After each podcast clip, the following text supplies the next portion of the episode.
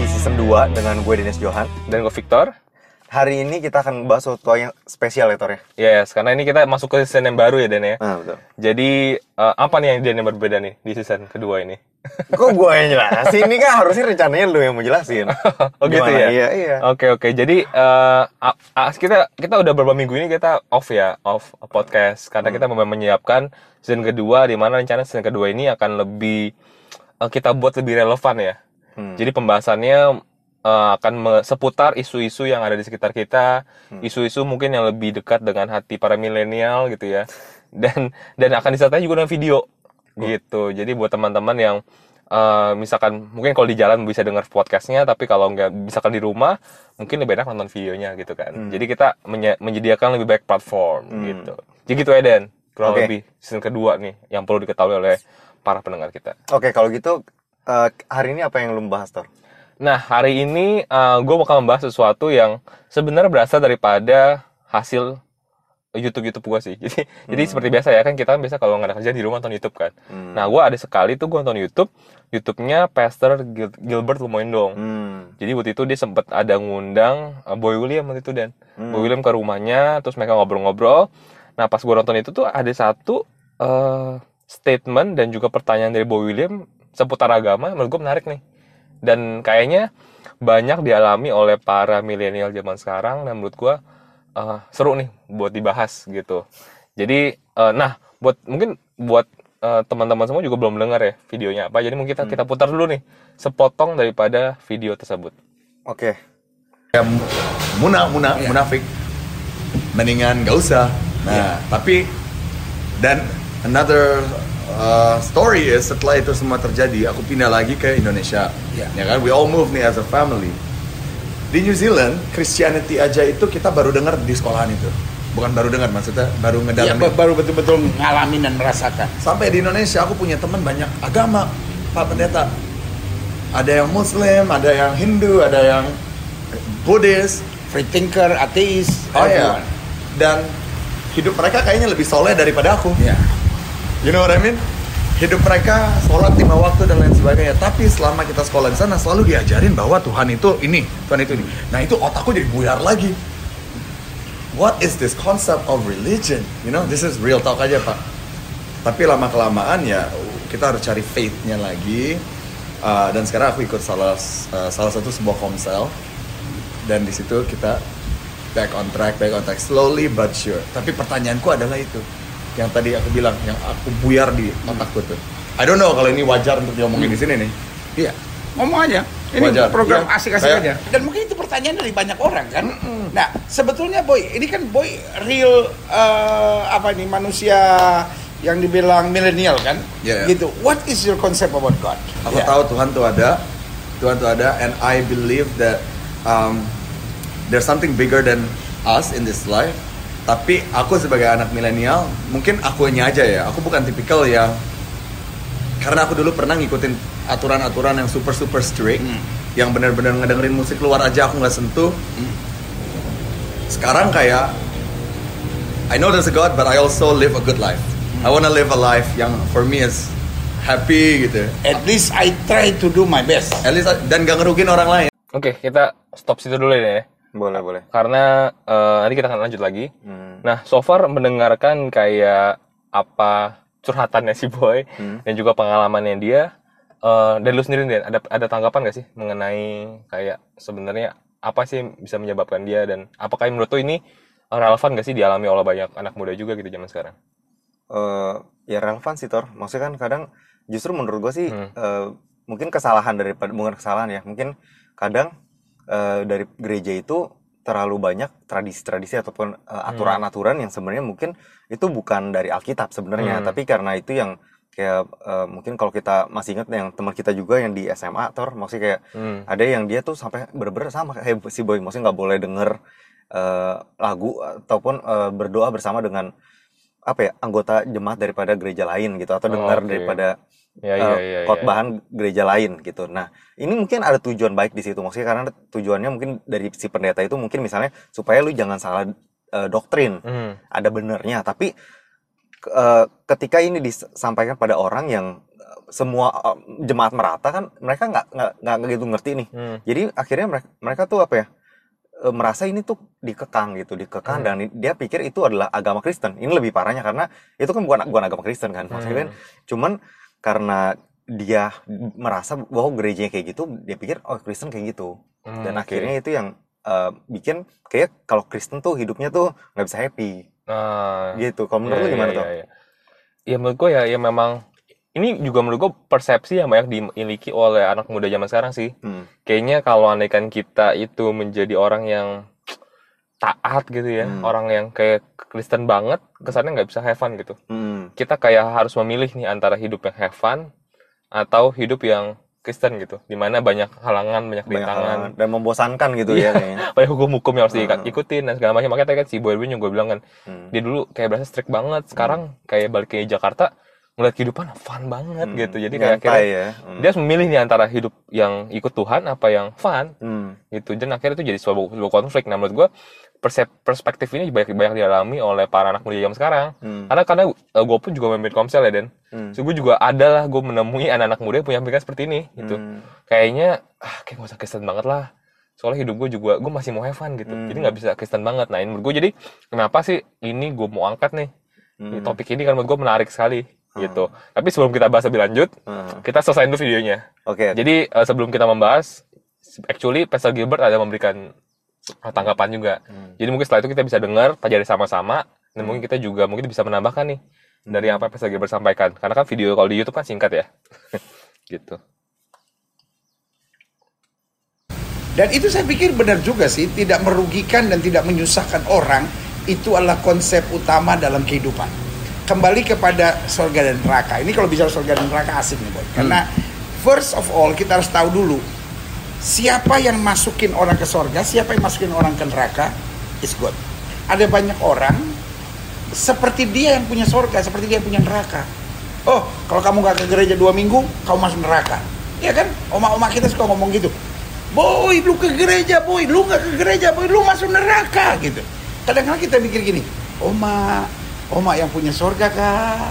Oma yang punya neraka kah? Gitu. Jadi kita harus tahu dulu yang punya surga dan yang punya neraka adalah Tuhan. Ya.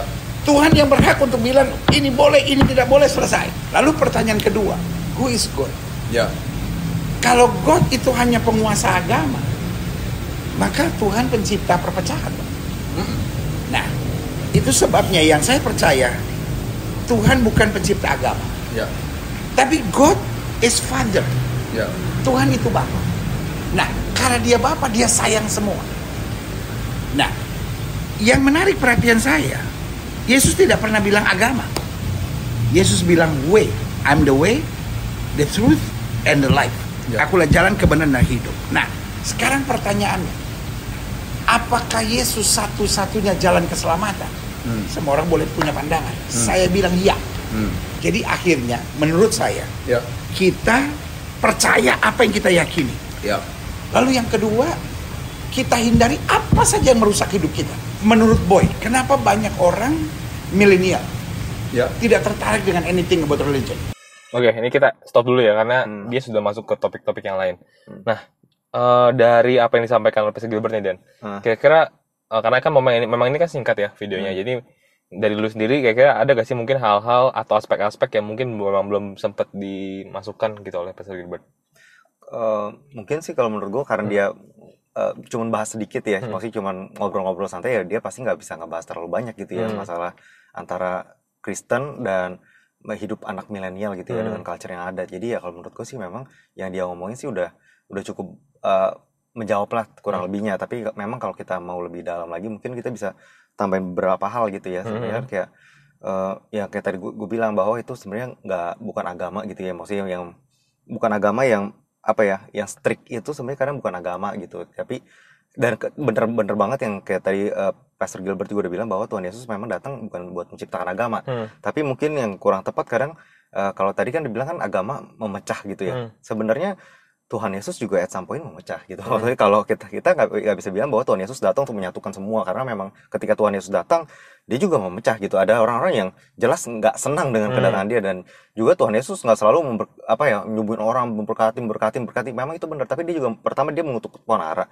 dan dia juga mengutuk Kapernaum, Korazim segala macam yang nggak bertobat loh. Iya, Maksudnya tuh iya, jadi kita juga nggak bisa bilang bahwa Tuhan Yesus datang cuma untuk memberkati, kemudian untuk Yes. uh, mengumpulkan semua bangsa karena pasti ada yang ke, ke offense gitu loh. Ada orang-orang yang ke offense dengan uh, ajaran kebenaran Betul. kan. Maksud gue tuh jadi memang ya kalau dibilang memecah mungkin secara nggak secara langsung mau memecah tapi karena adanya kebenaran otomatis karena kebenaran itu satu Hmm. ini yang lain inilah akhirnya memecah sendiri gitu karena Iya, iya. yang lainnya nggak benar Implikasi Mental. dari kebenaran itu lah ya. iya mental sendiri sebenarnya sih kalau menurut gue ya kurang lebih kayak gitu jadi Oke. bukannya Tuhan yang memecah gitu tapi Berarti itu tuh itu actually poin yang bagus ya Dan. Jadi kayak harus imbang ya antara grace and truth-nya. iya Jangan jangan cuma sampai kita punya perspektif Tuhan datang hanya memberikan grace. iya maunya sem- baik iya, semua, tapi ha-ha. tapi ada truth dan ada implikasi dari truth itu. iya benar Yang untruth ya terpisah mau nggak mau. iya gitu gitu. Menarik sih. Dan dan kalau menurut gue sih eh, actually ya ya intinya sebenarnya sudah, sudah disampaikan ya Hmm. oleh oleh Pastor Gilbert. Cuma menurut gue eh, tadi- dari pertanyaan si siapa Eh, Boy William William. tuh ada dia bilang kan bahwa kayak dia ngeliat agamanya juga baik-baik kok gitu. Kayak Ah. menurut gue itu yang perlu kita juga cermati sama-sama sih Mhm. bahwa ya terlepas daripada eh, orang yang menganut agama tertentu baik atau tidak baik, Hmm. tidak serta merta membuat agama itu menjadi benar. Mhm. Karena karena bahkan orang yang nggak punya agama pun juga baik kok. iya Tapi kan bukan berarti kita setuju atau enggak kita percaya bahwa apa yang dipercaya itu benar gitu. Mhm. Dan mungkin eh, kita perlu juga eh, cermati lebih lanjut sih eh, statement eh, siapa Pastor Gilbert yang dia ngomong bahwa kayak ya kita percaya aja apa yang kita yakini. Hmm. Nah, menurut gue itu ya oke sih untuk untuk apa orang Kristen gitu ya. Tapi Hmm. menurut gue uh, kita juga harus percayai apa yang kita yakini kalau itu benar gitu. Itu Sebenarnya benar. Kalau kalau gue kalau gue Iya. perpanjang ya karena menurut gue kalau kita percaya apa yang kita yakini ya sebenarnya oh, berarti orang-orang juga yang punya kepercayaan, Silahkan, kepercayaan iya. lain percaya sendiri masing-masing Hmm. gitu. Padahal menurut gue kan sebenarnya kita harus mempercaya itu karena ada basisnya gitu, Hmm. ada dasarnya. Itu karena kita percaya sesuatu tuh bukan karena kita mau, iya tapi karena kita percaya itu benar gitu Hmm. dan menurut gue tapi mungkin eh gue tahu nggak mungkin bisa jelaskan sepanjang itu ya Iya. Mas Gilbert cuma mungkin menurut gue di podcast ini mungkin itu yang hal-hal yang kita perlu pelajari lebih lanjut tuh Hmm. mengenai bagaimana kita sebenarnya eh, nggak hanya meyakini apa yang kita mau atau yang kita suka percayai tapi juga karena hal itu adalah hal yang benar betul gitu Heeh. Jadi jadi mungkin itu sih yang hal-hal yang mungkin bisa ber- beberapa yang kita bisa tambahkan nih Dan Hmm. tapi eh, di luar daripada itu nih Den kalau kita ngobrol mengenai gambaran besarnya nih Heeh. kalau lu lihat sendiri sebenarnya eh kalau gue melihat ya ini tuh tema besarnya tuh seperti kayak religion gitu ya Hmm. agama versus culture gitu Hmm. dan menurut lu sendiri sebenarnya ini kedua hal ini sebenarnya memang terpisah atau sebenarnya eh, bisa jadi satu sih dan kalau bisa jadi satu menurut lu what is the best way gitu seharusnya sih kalau menurut gue memang bisa ha- seharusnya memang jadi satu tapi ya eh, balik lagi menurut gue sih memang yang pasti the best way-nya harus basisnya harus agama itu sendiri sih maksudnya Hmm. agama dalam arti kekristenan ya maksudnya gue Hmm. nggak bilang itu karena jadinya kalau kita agama agama amanah dan maksudnya basis yang mana gitu karena Hmm. banyak kan kepercayaan cuman kalau eh, di sini ngomongnya ya harus basisnya semua harus kekristenan dan mung- mungkin barulah ke culture gitu dan eh, ke culture sendiri pun nggak harus bener-bener kayak mengikuti tradisi gitu karena ini juga sempat terjadi di zaman Tuhan Yesus kan maksudnya Hmm. akhirnya tradisi yang dari hu- 10 hukum Taurat ditambahin sampai 630 613 hukum lagi yang lainnya dan kemudian ditambahin dengan tradisi-tradisi kayak, kalau dia mau makan dia harus cuci tangan dulu Hmm. dia harus eh, cuci gelas piringnya dan makanya ketika Tuhan Yesus datang juga di dikatain begitu gitu kok kok murid-murid lu maksudnya nggak nggak iya, cuci iya. tangan dulu maksudnya Iya, itu iya.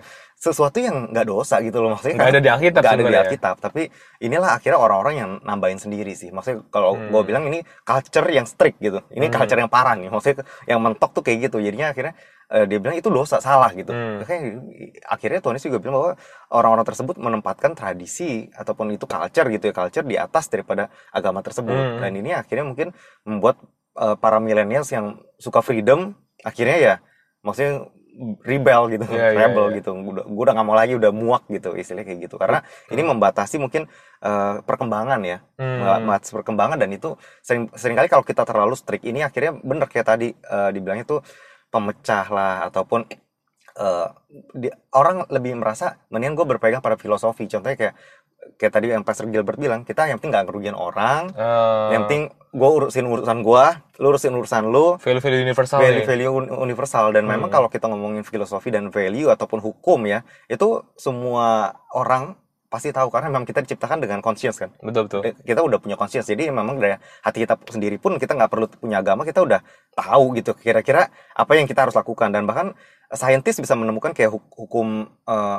apa ya hukum tarik menarik kemudian Hmm. hukum eh, gravitasi. Ini kan hukum hukum karma maksud gue tuh Iya. itu memang bisa dibuktikan dan itu eh, general gitu loh itu general dan itu nggak butuh agama untuk mengetahui itu ada gitu jadi Hmm. inilah kalau menurut gue sih cuman ya ke- kebenaran itu nggak bisa diubah gitu nggak bisa Hmm. diubah dengan hukum gitu maksudnya ya balik lagi kita kenapa kita percaya kebenaran karena memang kita percaya setelah ada kehidupan setelah matian kan kalau Ya. nggak ada kehidupan setelah kematian kita nggak perlu lagi nih kita ngomongin hal ini mending kita percaya filosofis masing-masing aja nggak ada Iya, gunanya iya. Kita YOLO aja ya. iya bodoh amat gitu iya maksud gue sih kurang Ah. lebih kayak gitu Oke, kalau menurut oke. lo sendiri gimana tau tentang Hmm. culture versus religion ini Oke. Nah kalau gua sih ya, gua tuh mungkin tadi lu udah bagus banget tuh nyampein mengenai dari sisi re- religion ya. Mungkin gua lebih lebih bahas dari sisi have fun-nya nih. gitu karena eh, menurut gue ya banyak anak muda sekarang tuh punya konsep freedom atau kebebasan atau nggak have fun tuh yang menurut gua sebenarnya salah gitu ya. Hmm. Atau enggak sebenarnya tidak tepat lah Hmm. gitu karena menurut gua apa ya yang namanya kebebasan tuh kita harus tahu nih bahwa sebelum kita bisa bebas memilih apa yang di luar Hmm. kita harus bebas secara internal kita dulu nih gitu karena banyak banyak anak muda zaman sekarang ya menurut gua ya gua sekarang udah tua ya tapi maksud gua, kayak banyak anak muda zaman sekarang tuh kayak nganggap kalau namanya have fun itu atau kebebasan adalah eh, memilih apa pun yang gue mau gitu Hmm. gue mau hari clubbing clubbing gue Hmm. besok mau eh, ganti pacar pa- ganti pacar boleh gitu jadi kayak Hmm. bebas aja gitu dan itu uh, fun artinya Hmm. tapi sebenarnya kita perlu tahu bahwa sebenarnya freedom freedom seperti itu tuh mungkin untuk jangka pendek kesannya iya Hmm. tapi sebenarnya untuk jangka panjang itu mungkin ke depannya itu bisa merenggut kebebasan dia untuk ke depannya contoh misalnya gua contoh ya misalkan kayak eh, zaman sekarang milenial udah punya banyak duit misalkan ya kerja segala macam oh dia pakai buat shopping segala macam oh Hmm. dipakai buat belanja sini sana sini gitu Hmm. tapi dia nggak nggak menyadari bahwa ke depannya nanti misalkan dia ha- harus udah merit mau merit Hmm. persiapan merit segala macam uangnya udah nggak ada Hmm. otomatis kebebasannya yang di masa depan jadi berkurang kan Iya, iya. Nah, menurut gue itu adalah uh, makanya gue banyak uh, milenial mungkin yang menganggap have fun atau freedom itu yang mereka kejar tuh kebebasan yang semu itu loh. Hmm. Kebebasan yang bersifatnya itu sementara tapi jangka panjang itu sebenarnya tidak tidak uh, tidak membawa dampak baik. Aha. Dan kedua menurut gue um, kita perlu tahu bahwa namanya kebebasan itu tuh bukan artinya nggak tanpa batas gitu. Hmm. Menurut gue kebebasan yang sesungguhnya itu ada sejati itu justru harus ada harus ada batas gitu. Contohnya gue kasih analogi misalkan kita uh, nye- bawa mobil nih Hmm. kan kita pasti mobil nih bawa mobil kita ke apa jalan tol misalkan Hmm. highway gitu ya itu kan kita bebas kan mau kiri kanan kan cuman di kiri kanan tuh ada namanya guardrail gitu ada Hmm. namanya tembok pembatas gitu nah itu bukan buat membatasi kita gitu yes itu membatasi kita tapi bukan supaya kita nggak bisa bebas Hmm. tapi supaya menjaga kita kan Hmm. supaya sebebas bebasnya kita at least ada pembatasnya supaya kita aman Hmm. nah menurut gue tuh sebenarnya yang Tuhan berikan di Alkitab itu adalah seperti guardrailnya itu loh Hmm. bukan bikin supaya kita nggak bisa bergerak, supaya kita nggak Iya, bisa nyaman, supaya kita nggak bisa have fun, tapi justru supaya kita bisa menikmati kebebasan yang ada nih. Hmm. Hmm. Nggak cuma di masa yang pendek, tapi juga di masa yang panjang. Panjang. Gitu sih, kalau menurut gue ya. Hmm. Jadi menurut gue konsep interesting. konsep spiritual tadi udah ngomong, tapi konsep have fun-nya juga mereka perlu tahu nih. Hmm. Gitu. Jadi sehingga akhirnya mereka nggak melihat dua ini sebagai sesuatu yang berlawanan. ya, Padahal iya. sebenarnya saling saling support nih, Iya, iya. ya kan? Eh, Tuhan kasih Alkitab Tujuannya supaya baik kita ya. bisa have fun justru, Hmm. gitu sih. Jadi mungkin itu yang Untuk perlu membebaskan kita ya sebenarnya ya. Mm-mm Hmm.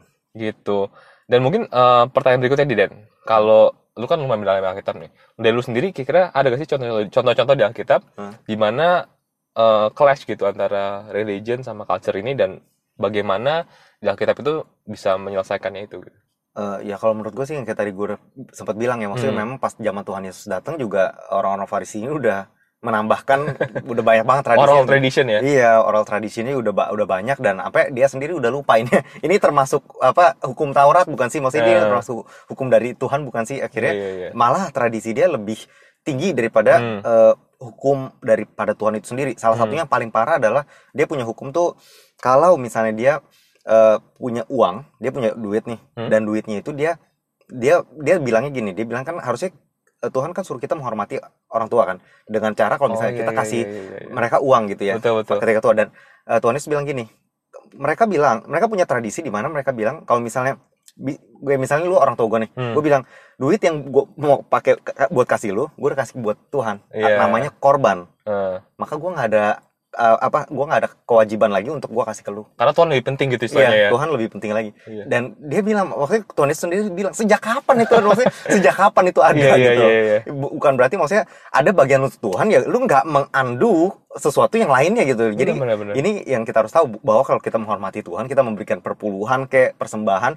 itu tidak apa ya mengandu ataupun tidak menghilangkan tugas-tugas kita yang lain gitu seakan-akan Hmm. Kayak udah selesai gitu kita uh, buat yang buat orang tua yang buat sesama yang buat Hmm. orang miskin udah gitu kayak gue udah kasih Tuhan gitu jadi udah Iya. selesai nah ini yang ini yang paling parah gitu yang ini yang Hmm. paling parah yang yang lainnya sih kurang lebih ya kayak puasa lah dibilang kan em, kenapa murid-muridnya minum anggur lah nggak Hmm. puasa sementara murid-murid Yohanes eh, puasa terus Yohanes juga makan belalang segala macam Iya, Dia iya, iya. ketika Yohanes datang dia bilang ini orang kerasukan setan katanya ketika Tuhan Yesus datang ini tukang minum sama tem- teman-teman pendosa gitu friend of sinners gitu Iya, tax iya. collector jadi kayak aduh ini orang oh, intinya manusia sih memang nggak nggak akan ada benernya di mata manusia tuh kita akan selalu ada salahnya Hmm. jadi intinya sih kalau menurut gue ya balik lagi itu Alkitab atau bukan dan balik lagi Oke. kayak cuci cuci piring lah mesti kalau mesti cuci tangan. Kan murid-murid Tuhan Yesus juga langsung makan tadi kan? Hmm. jadi itu juga sebenarnya bukan nggak ada nggak ada hukumnya sih. Maksudnya kayak makan ya makan aja gitu. Iya, kenapa, iya, iya, kenapa lo harus cuci dulu gelasnya cupnya segala macam dan itu udah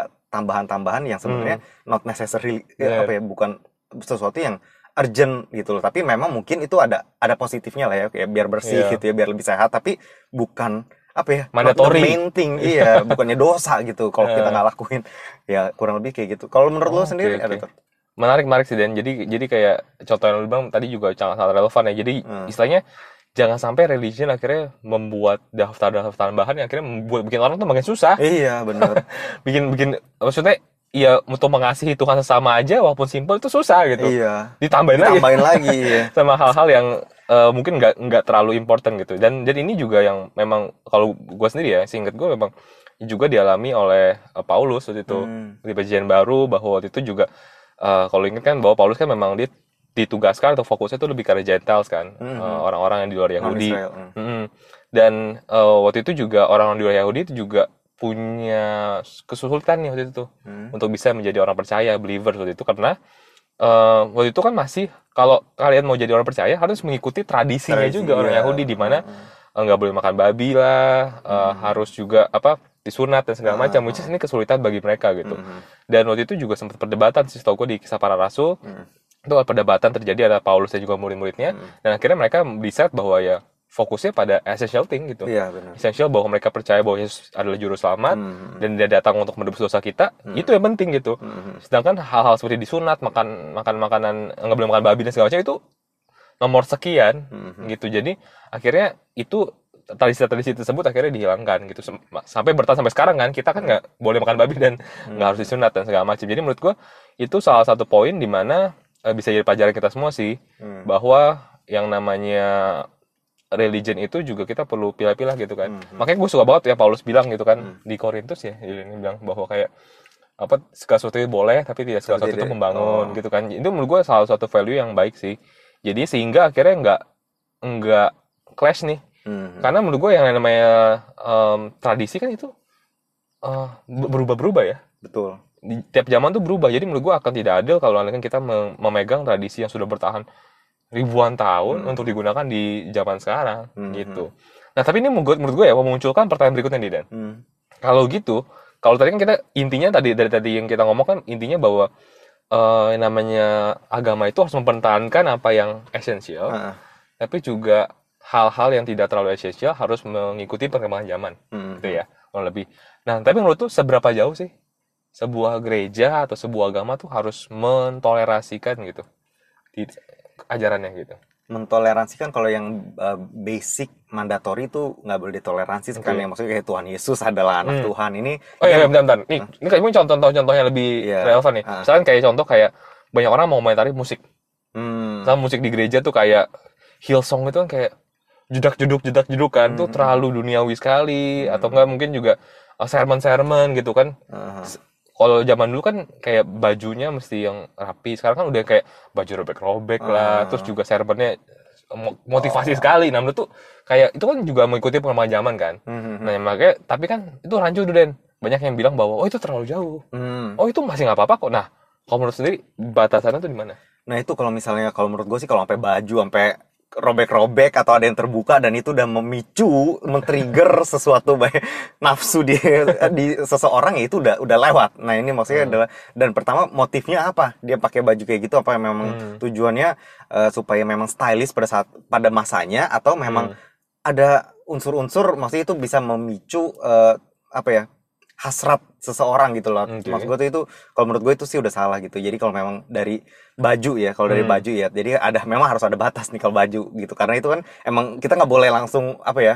Kita juga tahu lah kayak eh, pornografi ataupun sesuatu yang misalnya kayak orang pakai baju tapi dia all you can see gitu kayak. Terus Oh, ketika ada orang yang mungkin ngatain dia atau apa, dia marah gitu. Sementara ya maksudnya ya itu at some point ya konsekuensinya dia itu gitu ya. konsep ada konsep gue nggak bilang bahwa eh, maksudnya gue gue bilang bahwa ketika orang ngakuin sesuatu misalnya melakukan pemerkosaan segala macam itu salah karena memang Hmm. itu orang tersebut yang punya otak otak kriminal tapi bukan berarti si wanita ini juga blameless gitu loh Ah. karena memang maksud gue tuh ya kita harus lakuin apa pun yang kita bisa untuk memprevent hal tersebut gitu loh jadi Hmm. kalau kita pakai misalnya gue eh, punya duit banyak nih terus gue bawa begini gue tenteng Hmm. di depan banyak orang gitu Iya, iya. menurut lo kalau mereka nyolong terus gue bilang mereka yang salah karena Hmm. mereka nih yang nggak bisa nahan diri Iya, iya. yang salah gue juga salah gitu loh jadi kita nggak bisa bilang lu salah gue salah kita sama-sama salah kita harusnya sama-sama eh, memprevent hal tersebut supaya nggak Hmm. memicu hal tadi gitu Oke. sebenarnya nah kalau misalnya ngomong soal musik kalau menurut gue sih sebenarnya musik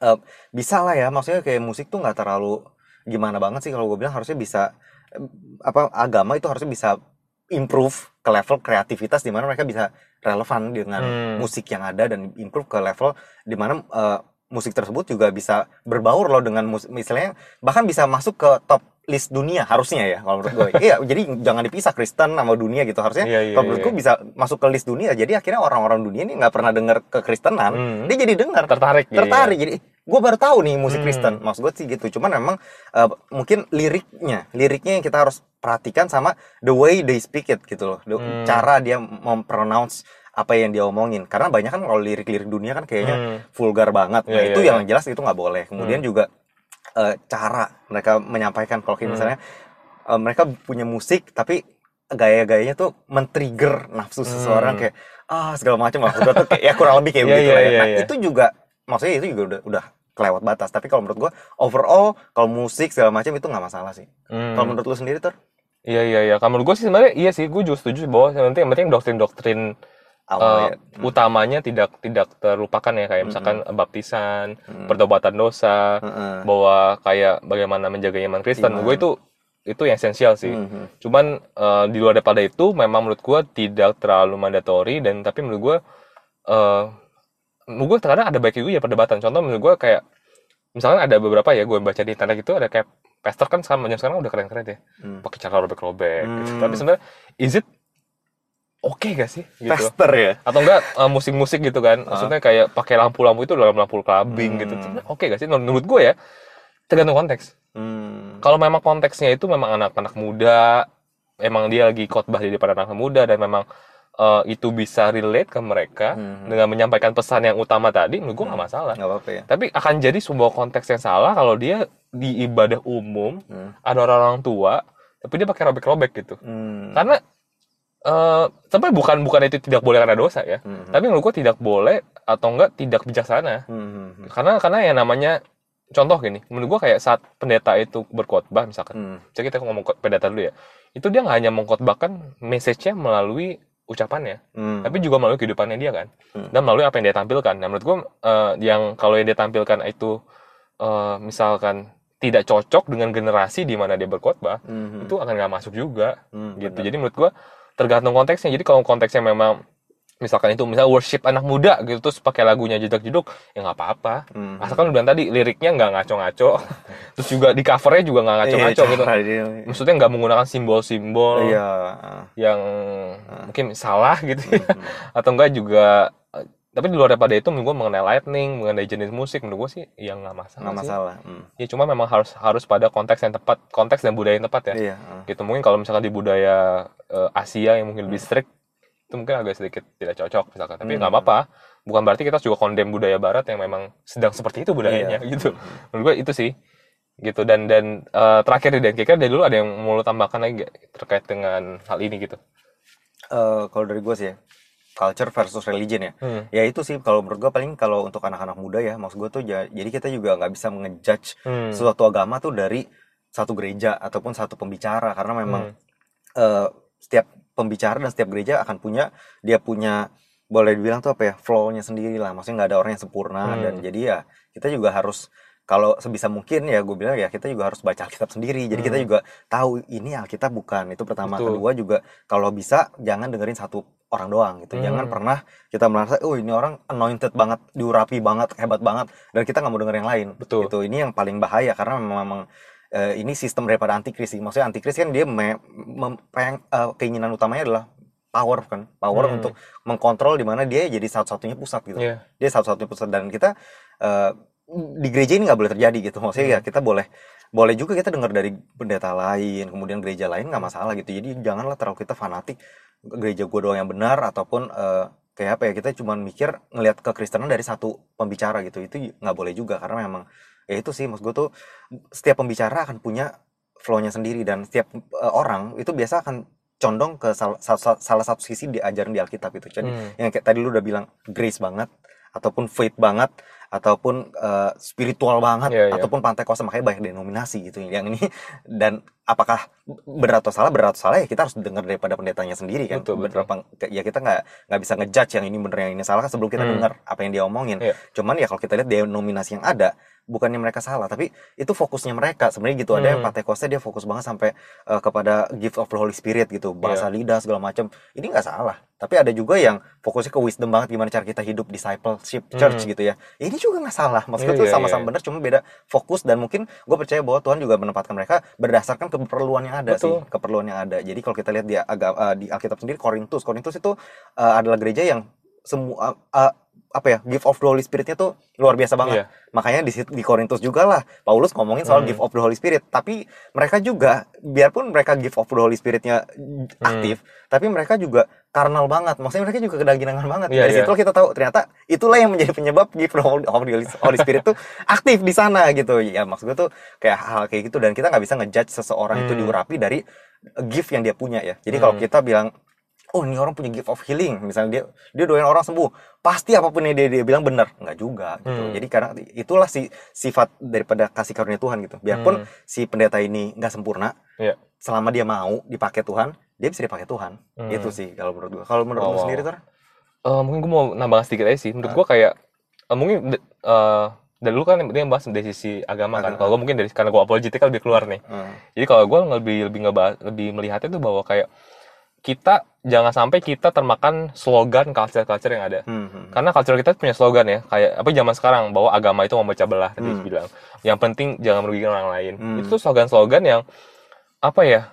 eh merusak sih menurut gua slogan-slogan yang kesannya benar emang benar Ah. gitu. Kesannya benar tapi seakan-akan tuh membuat kita akhirnya ya udahlah kita ngapain jadi iya terlalu Kristen banget. menarik ya iya, menarik kita dari daripada keluar gitu ya dari ada garis yang Iya, ada. iya. Dan itu dia bagu- bagus banget karena nggak menggunakan sesuatu yang salah. iya Menarik kita dengan sesuatu yang benar gitu. betul Tapi menurut gua makanya menurut gua penting banget nah, kenapa gue suka dengan apologetika ya gue mau supaya teman-teman terserah gitu. Kita punya free will untuk bisa memilih mau keluar apa mau tetap di dalam. Tapi etis kalau mau keluar itu keluar dengan pemahaman yang benar. Hmm, etis kalian sudah tahu dulu mengenai kekristenan setelah itu mau keluar terserah. Hmm. tapi jangan sampai nggak nggak tahu mengenai kekristenan tapi udah keluar. Iya, itu iya. sayang banget Betul. gitu. Jadi menurut gua apalagi cuman karena slogan-slogan. Iya benar. Bahwa ilmu pengetahuan itu eh, apa yang membuktikan bahwa Tuhan tuh nggak ada. Padahal kita nggak tahu bukti-buktinya gitu ya Iya, menurut gue hal seperti itu yang justru Ah. eh, menurut gue salah that's why juga kenapa kita bikin podcast ini ya Hmm. sebenarnya juga buat mengequip teman-teman semua sehingga teman-teman semua juga nggak punya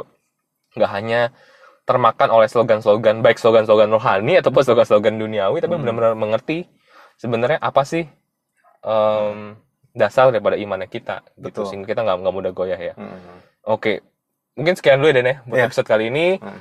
Eh, semoga dengan tema yang baru, dengan dengan suasana yang baru ini bisa menjadi sesuatu yang lebih menarik buat teman-teman semua. Amin. Dan kita akan datang di episode selanjutnya dengan hal yang gak kalah menarik, hal-hal yang pastinya juga akan membuat kita menjadi terinspirasi dan juga eh, bertumbuh di dalam perisanan. So, see you guys in another episode.